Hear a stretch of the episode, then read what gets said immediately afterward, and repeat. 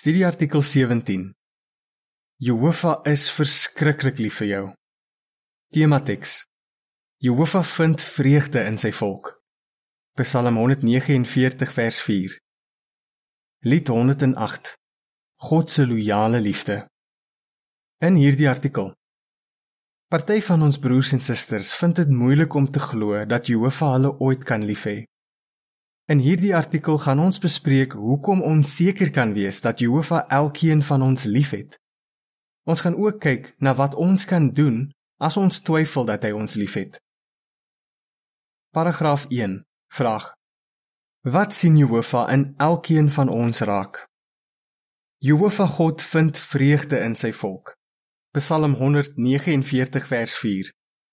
Wat 'n wonderlike gedagte Jehovah sien ons goeie eienskappe raak. Hy sien ons potensiaal en trek ons na hom toe. As ons getrou bly aan hom, sal hy vir ewig na aan ons bly.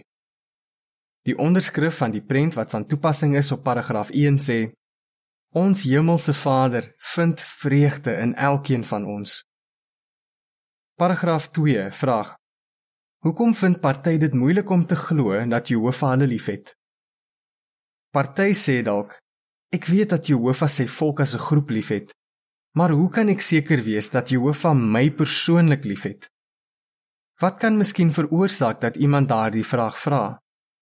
Oksana, wat 'n tragiese kinderlewe gehad het, sê: Ek was baie gelukkig toe ek gedoop is en begin pionier het.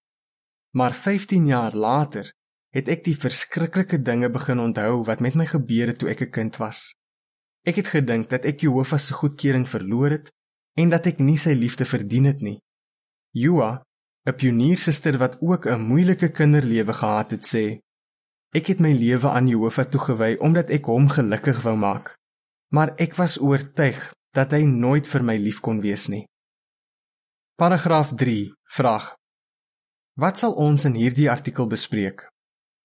Net soos die getroue Christene wat in die vorige paragraaf genoem is, is jy baie lief vir Jehovah. Maar miskien twyfel jy dat hy jou liefhet. Maar hoekom moet jy oortuig wees dat hy regtig vir jou omgee? En wat kan jou help as jy in die kloue van negatiewe gedagtes vasgevang is? Kom ons kyk na die antwoorde op hierdie vraag. Twyfelgedagtes is gevaarlik. Paragraaf 4 vraag: Hoekom is dit gevaarlik om te twyfel dat Jehovah ons liefhet? Liefde is 'n kragtige motivering. As ons oortuig is dat Jehovah ons liefhet en ondersteun, sal dit ons motiveer om hom met ons hele hart te dien, selfs wanneer die lewe moeilik raak. Maar as ons twyfel dat God vir ons omgee, sal ons min krag hê. Spreuke 24 vers 10. En as ons mismoedig raak en begin twyfel dat God ons liefhet, sal ons onsself nie teen Satan se aanvalle kan verdedig nie. Paragraaf 5 vraag: Wat het gebeur toe party getwyfel het dat God hulle liefhet? Die geloof van party getroue Christene het swak geword toe hulle getwyfel het dat Jehovah vir hulle lief is en vir hulle omgee. 'n Ouer man met die naam James sê: Al het ek by Bethel gedien en al het ek my bediening in 'n anderstalige gemeente geniet, het ek gewonder of Jehovah regtig my offerandes aanvaar. Op een stadium het ek selfs gewonder of Jehovah na my gebede luister. Eva, wat ook in die voltydse diens is, sê: "Ek het gesien dat dit gevaarlik is om te dink dat Jehovah nie lief is vir jou nie, want dit raak alles wat jy doen in jou diens aan Jehovah. Dit veroorsaak dat jy nie meer lus het vir geestelike dinge nie en dit maak dat jy jou vreugde in Jehovah se diens verloor." Michael, wat as 'n gewone pionier en 'n ouer man dien, sê: "As jy nie glo dat God vir jou omgee nie, sal jy van hom af wegdryf." Paragraaf 6 vraag: Wat moet ons doen as ons begin twyfel dat God vir ons lief is? Hierdie ondervindinge wys hoe gevaarlik dit is om te dink dat God nie vir jou lief is nie. Dit kan jou geloof in hom afbreek. Maar wat moet ons doen as ons begin twyfel dat God vir ons lief is? Ons moet dadelik van daardie twyfelgedagtes ontslaa raak. Vra Jehovah om daardie angstige gedagtes te vervang met die vrede van God wat jou hart en verstand sal beskerm. Psalm 139 vers 23, Filippense 4 vers 6 en 7. En onthou, Jy is nie alleen nie. Ander getroue broers en susters sukkel ook met negatiewe gevoelens. Selfs knegte van Jehovah van die verlede moes teen sulke gevoelens stry. Kyk wat ons kan leer uit die voorbeeld van die apostel Paulus. Wat ons uit Paulus se ondervinding kan leer. Paragraaf 7 vraag: Watter probleme het Paulus gehad? Voel jy soms oorlaai met verantwoordelikhede en dat jy nie alles kan hanteer nie? As jy so voel, dan sal jy verstaan hoe Paulus gevoel het. Hy was nie net angstig oor een gemeente nie, maar oor al die gemeentes. 2 Korintiërs 11 vers 23 tot 28. Veroorsaak ernstige gesondheidsprobleme baie keer dat jy jou vreugde verloor? Paulus het gesukkel met 'n doring in die vlees wat moontlik 'n gesondheidsprobleem was en hy was desperaat om ontslae te raak daarvan. 2 Korintiërs 12 vers 7 tot 10.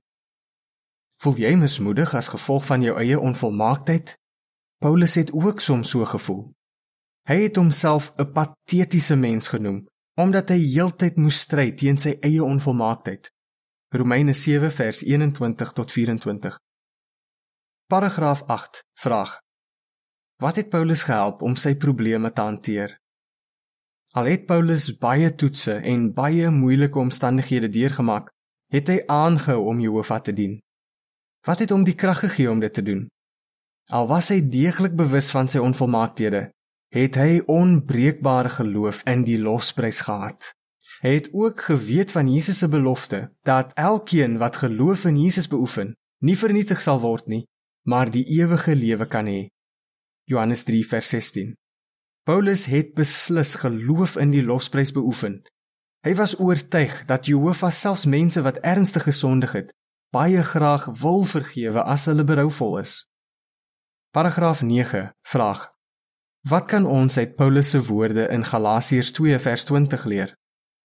Nog 'n rede hoekom Paulus geglo het dat God vir hom lief is, is omdat hy geweet het dat God Jesus gestuur het om vir hom te sterf. Galasiërs 2 vers 20 sê: Ek is saam met Christus aan die paal gaan. Dit is nie meer ek wat lewe nie, maar Christus wat in eenheid met my lewe.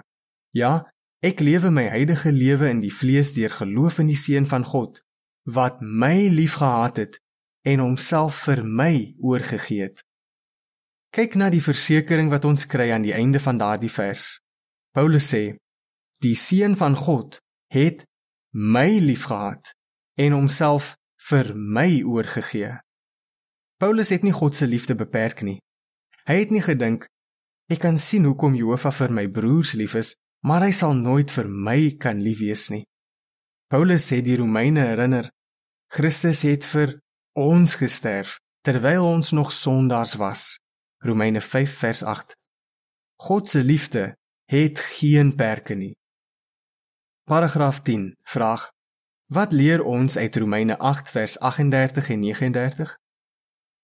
Romeine 8 vers 38 en 39 sê: Want ek is daarvan oortuig dat nie die dood of die lewe of engele of regerings of dinge wat nou gebeur of dinge wat nog gaan gebeur of magte of hoogte of diepte of enige ander skepping ons sal kan skei van God se liefde wat in Christus Jesus ons Here is nie. Paulus was heeltemal oortuig van die krag van God se liefde. Hy het geskryf dat niks ons sal kan skei van God se liefde nie. Paulus het geweet hoe geduldig Jehovah met die Israeliete was. Hy het ook geweet hoe genadig Jehovah teenoor hom was. So Paulus het basies gesê: "Het ek enige rede om te twyfel dat Jehovah lief is vir my as hy sy enigste seun gestuur het om vir my te sterf? Paragraaf 11 vraag: Hoekom was Paulus seker dat God vir hom lief was? Al het hy die sondes gepleeg wat in 1 Timoteus 1 vers 12 tot 15 genoem word. 1 Timoteus 1 vers 12 tot 15 sê: Ek is dankbaar teenoor Christus Jesus ons Here. Hy het my krag gegee en 'n bediening aan my toegewys omdat hy my as getrou beskou het Al was ek vroeër 'n lasteraar en 'n vervolger en 'n trotse man, tog is genade aan my betoon omdat ek oningelig was en sonder geloof opgetree het. Maar die onverdiende goedheid van ons Here was buitengewoon groot saam met geloof en die liefde wat in Christus Jesus is. Hierdie woorde is betroubaar en verdien om ten volle aanvaar te word. Christus Jesus het in die wêreld ingekom om sondaars te red en ek is die ergste van hulle almal. Daar was seker tye toe Paulus baie sleg gevoel het oor die dinge wat hy gedoen het voordat hy 'n Christen geword het. Hy het gesê dat hy die ergste sondaar is. En geen wonder nie. Voordat Paulus die waarheid geleer het, het hy Christene in een stad na die ander wreed vervolg. Hy het party van hulle in die tronk gegooi en hofbevele ondersteun om ander Christene dood te maak. Kan jy dink hoe Paulus sou gevoel het as hy 'n jong Christen ontmoet het wie se ouers doodgemaak is as gevolg van hom? Paulus was baie spyt oor die foute wat hy in die verlede gemaak het, maar hy het geweet dat hy nie die verlede kon verander nie. Hy het geglo dat Jesus vir hom gesterf het en hy het geskryf: "Deur God se onverdiende goedheid is ek wat ek is." 1 Korintiërs 15 vers 3 en vers 10. Wat is die les vir ons? Aanvaar dat Jesus vir jou gesterf het en dit vir jou moontlik gemaak het om 'n sterk persoonlike vriendskap met Jehovah te hê. Wat vir God belangrik is, is wat ons nou en in die toekoms doen. Nie die foute wat ons in die verlede gemaak het nie, of ons nou op daardie stadium een van Jehovah se getuies was of nie. Die volgende is 'n beskrywing van die prent wat van toepassing is op paragraaf 11. In die verlede het Paulus baie Christene in die tronk laat gooi. Toe hy aanvaar het wat Jesus vir hom gedoen het, het hy verander en sy Christenbroers aangemoedig. Party van hulle was dalk familielede van die persone wat hy vervolg het. Die onderskrif van die prent sê: Wat vir God belangrik is, is wat ons nou en in die toekoms doen, nie die foute wat ons in die verlede gemaak het nie. Paragraaf 12 vraag: Hoe kan die woorde in 1 Johannes 3 vers 19 en 20 ons help as ons voel dat ons nie liefde verdien nie of dat ons waardeloos is? Wanneer ons dink aan hoe Jesus vir ons sondes gesterf het, dink ons miskien ek voel nie waardig om hierdie kosbare geskenk te ontvang nie. Hoekom sal jy moontlik so voel? Ons onvolmaakte hart sal ons dalk bedrieg en ons laat voel asof ons nie liefde verdien nie of dat ons waardeloos is. 1 Johannes 3 vers 19 en 20 sê: So sal ons weet dat ons ons oorsprong by die waarheid het. Ons sal ons hart voor hom gerus stel in alles waarin ons hart ons veroordeel, want God is groter as ons hart en weet alles. As ons so begin voel, moet ons onthou: God is groter as ons hart. Ons hemelse Vader se liefde en vergifnis is baie sterker as enige negatiewe gevoelens wat dalk in ons hart skuil. Ons moet onsself oortuig dat Jehovah vir ons lief is. Om dit te doen, moet ons sy woord gereeld studeer, gereeld bid en gereeld met sy loyale knegte assosieer. Hoekom is dit belangrik om hierdie dinge te doen? Hoe die Bybel, gebed en loyale vriende kan help. Paragraaf 13. Vraag: Hoe kan dit ons help as ons God se woord studeer? sien ook die venster hoe God se woord hulle help. Studeer God se woord elke dag. As jy dit doen, sal jy Jehovah se liefdevolle persoonlikheid duideliker sien. Jy sal besef hoe baie hy jou liefhet. As jy elke dag oor 'n gedeelte van God se woord nadink, kan dit jou help om helderder te dink, om dinge in jou verstand en hart reg te stel. 2 Timoteus 3 vers 16. 'n Ouer man met die naam Kevin wat gesukkel het met 'n lae selfbeeld sê: "Toe ek Psalm 103 gelees het en daaroor nagedink het, het dit my gehelp om my denke reg te stel. En ek het begin besef hoe Jehovah my regtig sien." Eva wat vroeër genoem is sê: "Ek maak tyd aan die einde van die dag om rustig te sit en dink aan dinge wat vir Jehovah belangrik is." Dit gee my innerlike vrede en versterk my geloof. Die volgende is bykomende inligting. Hoe God se woord hulle help. Wanneer ek gefokus is op my studie van die Bybel, dan konsentreer ek op Jehovah en op ander. Michael. 'n Geestelike rotine help my om nie heeltyd aan negatiewe dinge te dink nie. Ek het nie altyd lus om die Bybel te lees of te studeer nie, maar wanneer ek dit wel doen, gee ek Jehovah die kans om my te herinner dat hy my liefhet. Kevin. Ek hou daarvan om die boek Psalms te lees. My gunsteling is Psalm 27. Ek lees en dink gereeld na oor vers 1 tot 6, vers 10 en 12 tot 14. Oksana. Ek probeer om elke dag te begin deur 'n gedeelte van God se woord te lees en rustig met Jehovah te gesels. In sy woord vind ek altyd presies wat ek nodig het. James. Ek voel die naaste aan Jehovah nadat ek sy woord gestudeer het. Dan voel ek op my kalmste omdat Jehovah my versterk het en vir my vrede gegee het. God se woord het my oortuig dat hy my nooit sal vergeet nie. Seiji. Terug na die artikel. Paragraaf 14 vraag: Hoe kan gebed ons help? Bid gereeld. As jy 'n goeie vriend van iemand wil word, moet jy gereeld met hom gesels en vir hom sê hoe jy voel. Dit is ook die geval as ons 'n goeie vriend van Jehovah wil wees. Wanneer ons vir Jehovah sê hoe ons voel, wat ons dink en waaroor ons bekommerd is, wys ons dat ons vertroue in hom het en dat ons weet dat hy vir ons lief is. Joa, wat vroeër aangehaal is, sê: Wanneer ek bid, sê ek nie net vir Jehovah wat daardie dag met my gebeur het nie.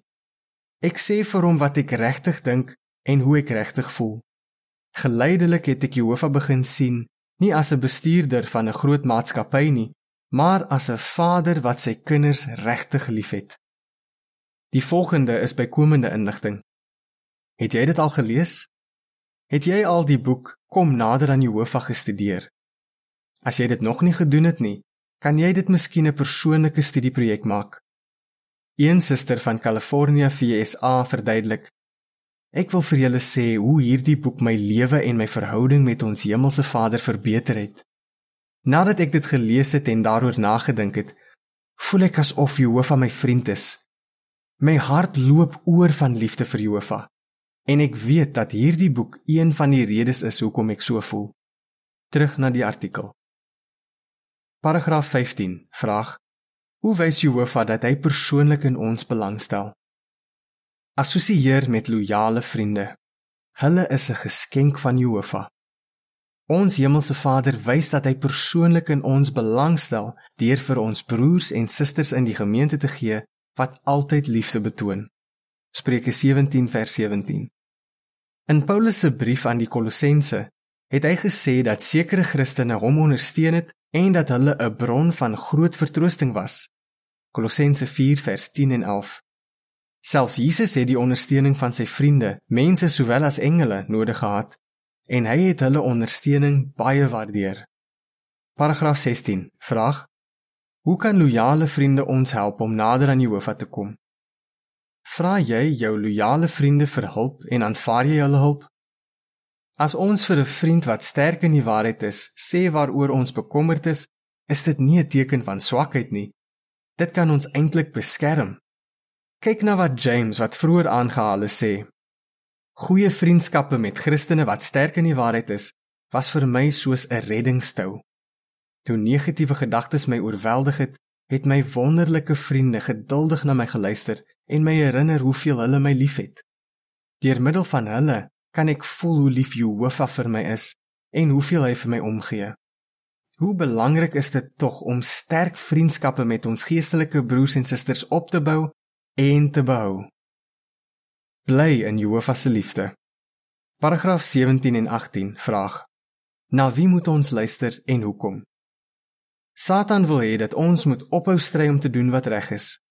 Hy wil hê dat ons moet glo dat Jehovah nie lief is vir ons nie en dat ons nie goed genoeg is om deur Jehovah gered te word nie. Maar dit is 'n groot leuen. Jehovah is lief vir jou. Jy is baie kosbaar in sy oë. As jy gehoorsaam is aan hom, sal jy, net soos Jesus, vir altyd in sy liefde bly. Johannes 15 vers 10. So moenie na Satan of na jou bedrieglike hart luister nie. Luister eerder na Jehovah wat die goeie in elkeen van ons sien. Wees oortuig dat Jehovah vreugde vind in sy volk en dit sluit jou in. Hoe sal jy antwoord? Hoekom moet ons nie twyfel dat Jehovah vir ons lief is nie? Wat kan ons by Paulus en by Jehovah se knegte van vandag leer? Hoe kan die Bybel, gebed en loyale vriende ons help. Lied 141 Die lewenswonderwerk. Einde van artikel.